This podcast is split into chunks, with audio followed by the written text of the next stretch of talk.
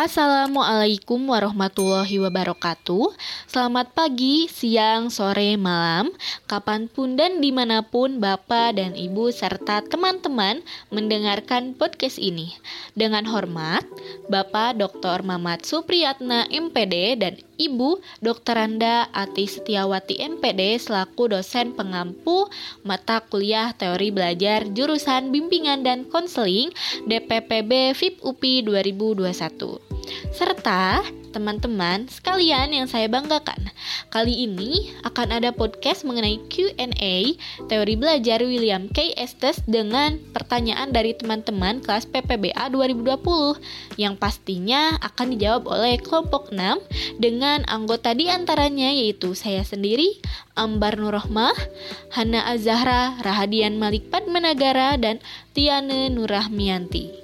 Baik, langsung saja ya ke kepada pertanyaan nomor satu yaitu dari Marini kelompok satu.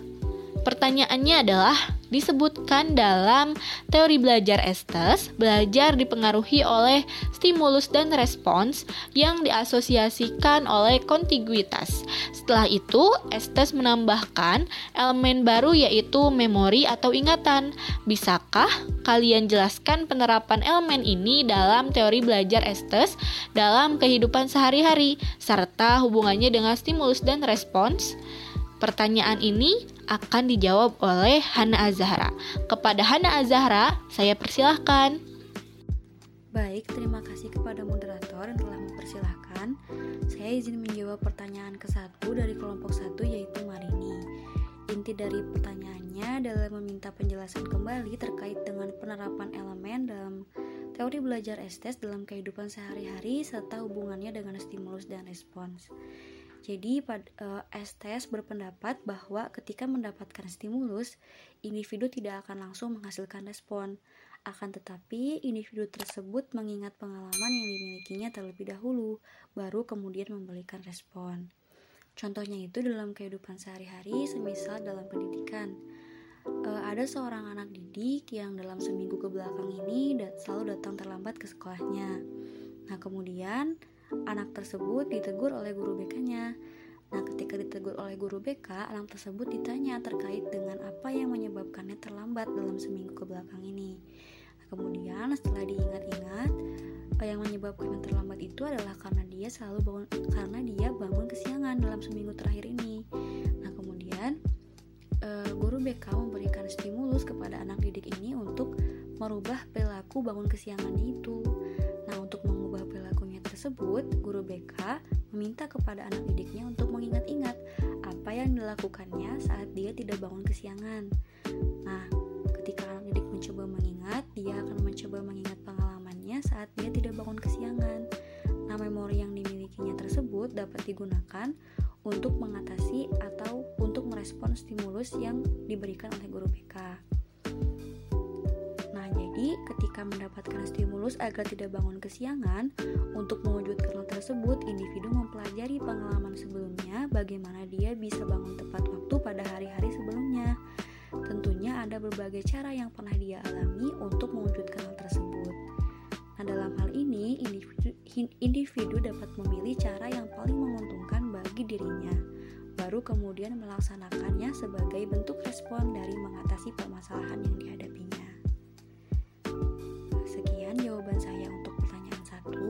Semoga terjawab. Terima kasih. Baik, terima kasih ya Hana Azahra telah menjawab pertanyaan nomor satu. Kali ini kita langsung saja ya ke uh, pertanyaan nomor 2 dari Azahra Nurul Izati kelompok 2. Pertanyaannya adalah apakah teman-teman merasakan proses yang sama dengan belajar untuk belajar yang terjadi dalam kehidupan teman-teman? Lalu tadi ada makna test wise dan term belajar untuk belajar. Maksudnya bagaimana ya? Nah, pertanyaan kali ini akan dijawab oleh Rahadian. Kepada Rahadian, saya persilahkan. Baik, terima kasih untuk pertanyaannya. Wah, sangat sangat luar biasa ya pertanyaannya. Untuk menjawab pertanyaan tersebut, saya pribadi sangat merasakannya ya. Bahwa di kehidupan ini kita itu learning to learn atau belajar untuk belajar. layaknya yang dijelaskan oleh Harlow dalam penelitiannya, bahwa belajar menggunakan konsep error factor, yaitu tendensi respon yang salah atau cenderung salah. Maka belajar adalah soal menghilangkan hal tersebut. Belajar di awal-awal pasti terasa berat karena melibatkan eliminasi faktor tersebut. Selanjutnya akan lebih cepat karena pada tahap ini kita sudah memiliki strategi yang lebih efektif. Untuk makna tes Y sendiri di sini adalah terdapat pada percobaan yang dilakukan oleh Harlow kepada monyet. Yang di dalamnya ada win, stay, or lose shift yang membuktikan belajar terjadi secara incremental dan all or none. Nah, jadi win, stay, or lose shift ini tuh jadi jika si monyet benar dalam memilih atau di dalam percobaan tersebut maka dia akan bertahan pada pilihan tersebut. Sedangkan jika salah, lose shift berarti berganti begitu. Jadi makna T-wise di sini itu apa yang dia terdapat pada penelitian yang Harlow gunakan seperti itu. Semoga menjawab. Terima kasih. Wah, terima kasih ya Dian atas jawabannya. Nah, kali ini kita ke pertanyaan nomor 3 ya dari Rosiana Della Puspita kelompok 3. Pertanyaannya yaitu, dalam teori Estes, mengapa penjelasan mengenai suatu perilaku disebut sebagai istilah sibernetik? Nah, pertanyaan kali ini akan dijawab oleh saya sendiri. Nah, uh, Teori Estes ini menekankan model sibernetika untuk pengaruh penguatan terhadap performa perilaku, dipandu ke tujuan dan menjauhi situasi avertif melalui umpan balik positif atau negatif dari kejadian penguatan. Istilah sibernetika sendiri adalah sistem yang secara otomatis dipandu oleh umpan balik dari lingkungan. Contoh dari sistem ini antara lain adalah pilot otomatis dalam pesawat atau termostat yang mengatur suhu ruangan. Begitu. Mungkin cukup sekian ya jawaban dari saya. Semoga bermanfaat.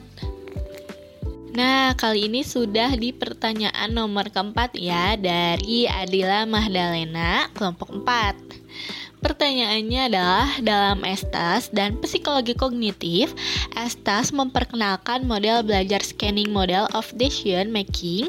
Bagaimana e, cara atau contoh Estas memperkenalkan model belajar tersebut? Nah, Pertanyaan ini akan dijawab oleh Hana Azara. Kepada Hana Azara, saya persilahkan. Terima kasih kepada moderator. Saya izin menjawab pertanyaan kelima dari Adila Madalena. Inti dari pertanyaannya adalah bagaimana cara atau contoh Estes memperkenalkan model belajar uh, scanning model decision making tersebut. Nah, pertama-tama, menurut Estes, orang akan belajar menilai setiap respon dari informasi yang disimpan ke dalam memorinya. Nah, kemudian setelah diberi kesempatan untuk memberi respon, orang itu akan mengamati terlebih dahulu situasi untuk menentukan respon apa yang mungkin diberikan. Nah, ketika seseorang ini menentukan, seseorang itu dapat mengingat seperti apa hasil respon itu. Nah, berdasarkan informasi ini, orang itu akan memilih memberi respon yang menghasilkan hasil yang paling bernilai atau berharga baginya. Estes pada tahun 1976 menyebut menyebut uh, model ini sebagai scanning model of decision making yang secara umum mengklaim bahwa dalam setiap situasi pengambilan keputusan, suatu organisme akan menggunakan informasi apa pun yang tersimpan dalam memorinya yang berkaitan dengan hubungan respons hasil dan akan merespon dengan cara tertentu untuk mendapatkan hasil yang paling menguntungkannya. Kurang lebih seperti itulah Estes memperkenalkan model belajar scanning uh, scanning model of decision making ini yang berkaitan dengan situasi pengambilan keputusan di mana stimulus, kemudian terdapat memori, baru kemudian memberikan respon. Terima kasih, semoga terjawab. Nah, kali ini sudah di pertanyaan kelima ya. Nah, Pertanyaan kelima ini dari Nur Aini Hasna Hamidah kelompok 5. Pertanyaannya adalah bagaimana Estes memperluas teori sampling stimulus menjadi model array. Lalu berdasarkan perbedaan dari fokus, sampling stimulus, dan model array, bagaimana perbedaan contoh proses belajar dan penggunaan sampling stimulus dan model array itu sendiri. Nah, pertanyaan kali ini akan dijawab oleh saya sendiri juga ya.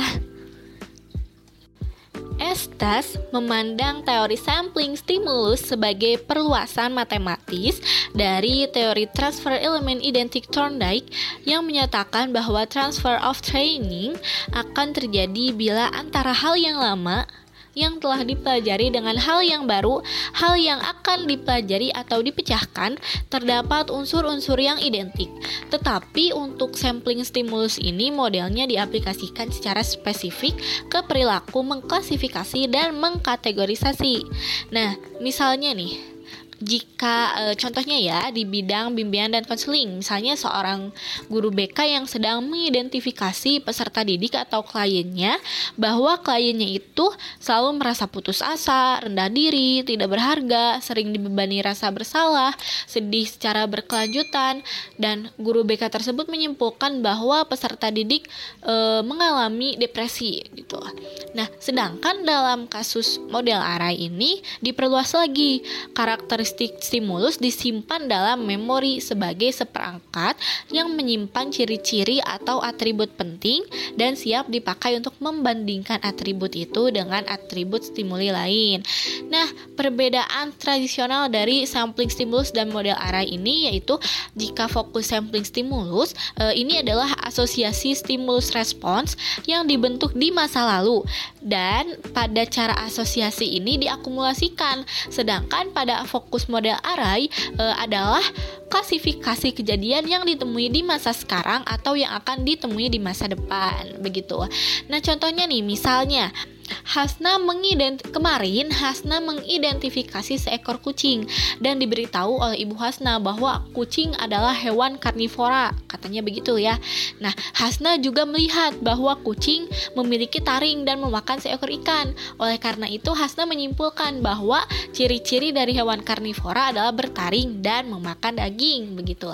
Keesokan harinya, Hasna melihat di televisi ada seekor harimau yang juga memiliki gigi bertaring dan memakan seekor rusa. Akhirnya, Hasna menyimpulkan bahwa kucing dan harimau adalah hewan karnivora. Nah, untuk yang kemarin, yang Hasna mengidentifikasi seekor kucing dan menyatakan bahwa kucing itu hewan berka hewan karnivora, itu adalah contoh dari sampling stimulus. Nah, untuk keesokan harinya yang uh, Hasna menemukan seekor harimau di televisi itu adalah contoh dari uh, model array. Begitu ya Hasna, mudah-mudahan uh, bermanfaat gitu untuk Hasna. Jawaban dari Ambar ini cukup sekian. Kita ke pertanyaan selanjutnya ya, teman-teman. Selanjutnya, pertanyaan nomor 6 dari Anissa Nur Latifah, kelompok 7 pertanyaannya yaitu apakah teori Estes efektif untuk pembelajaran di masa pandemi? Pertanyaan ini akan dijawab oleh Rahadian Malik Padmanagara. Kepada Dian, saya persilahkan. Baik, terima kasih. Untuk menjawab pertanyaan tersebut, jawabannya adalah kurang efektif ya. Untuk teori belajar sendiri, menurut Estes, awalnya terjadi secara inkremental dan secara awalan tetapi melalui beberapa tahap, akhirnya Estes berpendapat bahwa belajar itu terjadi secara oronan, sehingga guru dituntut untuk menyampaikan materi sedetail mungkin agar para siswa memahami materi tersebut. Nah, sedangkan selama masa pandemi ini, pembelajaran sering terjadi dalam jaringan, serba dalam jaringan atau secara online. Yang mana terkadang saat penyampaian materi banyak siswa yang jaringannya tidak stabil atau perhatiannya teralihkan dengan hal-hal yang lain sehingga siswa tersebut tidak memahami materi yang disampaikan oleh guru tersebut. Seperti itu, terima kasih. Baik, terima kasih Rahadian atas jawabannya ya. Nah, kali ini kita masuk ke pertanyaan nomor 7 dari Fadilah Lutfi Ramadan, kelompok 8. Pertanyaannya adalah, Semua teori belajar statistikal bersifat probabilistik, yakni variabel bebas yang mereka studi adalah probabilitas probabilitas respons. Teori sampling stimulus S-test menerima sudut pandang inkremental atau gradual maupun Al-Ornan tentang proses belajar. Yang saya akan tanyakan adalah apa yang dimaksud dengan Al-Ornan secara perinci beserta contohnya ya. Nah, uh, untuk pertanyaan kali ini akan dijawab oleh saya sendiri juga. Nah, untuk pertanyaan Fadilah ini berarti uh, intinya adalah penjelasan Al-Ornan secara terperinci e, beserta contohnya ya. Nah, e, saya jawab bahwa Al-Ornan ini adalah proses belajar yang berlangsung e, dengan cara sekaligus atau tidak sama sekali. Contohnya, Fadilah harus mempelajari pelajaran fisika secara keseluruhan dan secara detail agar memahami pelajaran fisika tersebut atau Fadilah tidak akan memahami pelajaran fisika tersebut dikarenakan Fadilah mempelajarinya e, mempelajari pelajaran fisika tersebut tidak secara keseluruhan atau memang ada tahapan yang Fadilah lewati begitu. Mungkin eh, sekian ya jawaban dari saya. Semoga Fadilah memahaminya dan bermanfaat juga. Eh, kita masuk ke pertanyaan berikutnya. Baik, kita lanjutkan ya ke pertanyaan nomor 8 dari Syafina Gaisani Zaman, kelompok 9. Pertanyaannya adalah, pada konsep utama teori Estes ada pemulihan spontan. Apakah teman-teman bisa memberikan contoh dari hal tersebut dan mengapa pemulihan spontan ini bisa terjadi? Nah, Pertanyaan kali ini akan dijawab oleh Tiane. Kepada Tiane, saya persilahkan.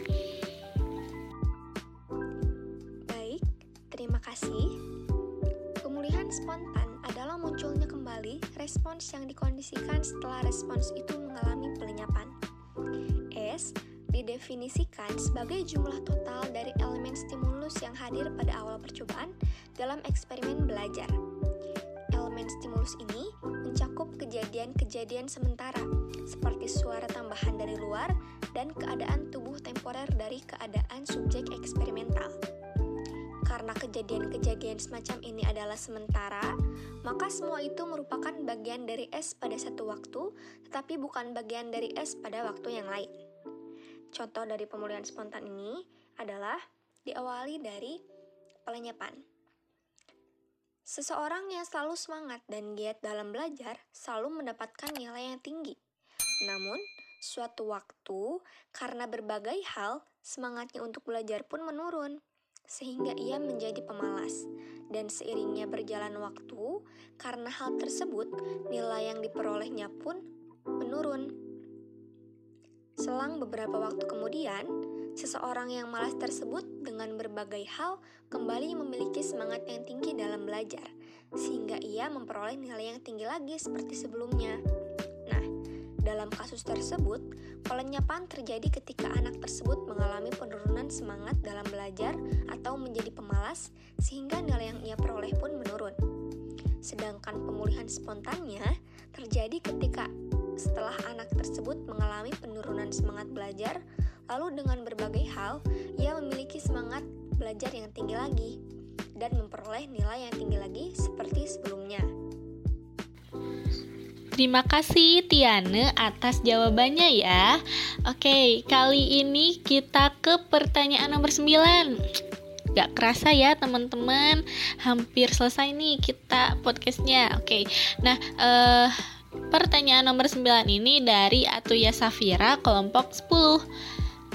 Pertanyaannya adalah, pada awalnya Estes berpendapat bahwa stimuli dan respons menjadi diasosiasikan ke kontiguitas. Namun, setelah diasosiasikan, Estes menambah elemen ketiga ke dalam analisisnya, yakni memori atau ingatan. Apa yang melatar belakangi penambahan elemen memori dalam analisis Estes? Pertanyaan ini akan dijawab oleh Hana. Kepada Hana, saya persilahkan. Baik, terima kasih kepada moderator. Selanjutnya saya akan menjawab pertanyaan yang ke-9 dari atau Yasafira. Inti dari pertanyaannya adalah apa yang melatar belakangi penambahan elemen memori dalam analisis S-test. Jawabannya adalah Meskipun pada awalnya sekitar tahun 1969 hingga 1975 pendapat Estes mengikuti pendapat Guthrie, di mana stimulus akan langsung memberikan respons. Akan tetapi, analisis terkait hal ini akan terus bergerak dinamis hingga menemukan hipotesa atau kesimpulan yang dianggap paling benar bagi seorang ilmuwan atau penemu. Begitupun dengan Estes, yang kemudian menekankan pendapatnya pada mekanisme kognitif. Setelah mengalami berbagai perkembangan dalam analisisnya, terutama pada tahun 1976, Estes menambahkan elemen ketiga dari hubungan stimulus dan respons, yaitu memori. Dalam hal ini, dalam hal ini terjadi karena analisisnya yang mendalam juga didasari dengan penekanan analisisnya yang behavioral dalam operasi kognitif individu. Estes menyadari bahwa antara stimulus dan respons berperanlah sisi kognitif dalam penggunaan memori tersebut, di mana individu menggunakan memorinya untuk menemukan pengalamannya dalam memberikan respons. E, sekian jawaban dari saya, semoga pertanyaannya terjawab. Terima kasih. Baik, terima kasih ya Hana atas jawabannya. Wah, kali ini kita sudah ada di ujung pertanyaan nih. Pertanyaan terakhir, pertanyaan nomor 10 dari Ruth Rainisa kelompok 11. Pertanyaannya adalah dijelaskan tentang pemulihan spontan. Pertanyaannya, apakah hasil dari pemulihan spontan itu akan bertahan untuk jangka waktu yang lama? Pertanyaan ini akan dijawab oleh Tiane. Kepada Tiane, saya persilahkan. Baik, terima kasih. Pemulihan spontan adalah munculnya kembali respons yang dikondisikan setelah respons itu mengalami pelenyapan. Elemen stimulus yang ada di pemulihan spontan ini mencakup kejadian-kejadian sementara, seperti suara tambahan dari luar dan keadaan tubuh temporer dari keadaan subjek eksperimental. Karena kejadian-kejadian semacam ini adalah sementara, maka semua itu mungkin merupakan bagian dari S pada satu waktu, tetapi bukan bagian dari S pada waktu yang lain. Oleh karena itu, panjang atau pendeknya waktu dalam pemulihan spontan ini tergantung dari stimulus yang ada dan tidak bersifat permanen. Wah, alhamdulillah sudah selesai ya sesi Q&A atau tanya jawab ini. Semoga podcast ini bermanfaat ya dalam rangka menambah wawasan teman-teman mengenai teori belajar William K. Estes. Kami dari kelompok 6 pamit undur diri. Mohon maaf bila ada kesalahan. Stay safe and stay healthy untuk semua. Wassalamualaikum warahmatullahi wabarakatuh.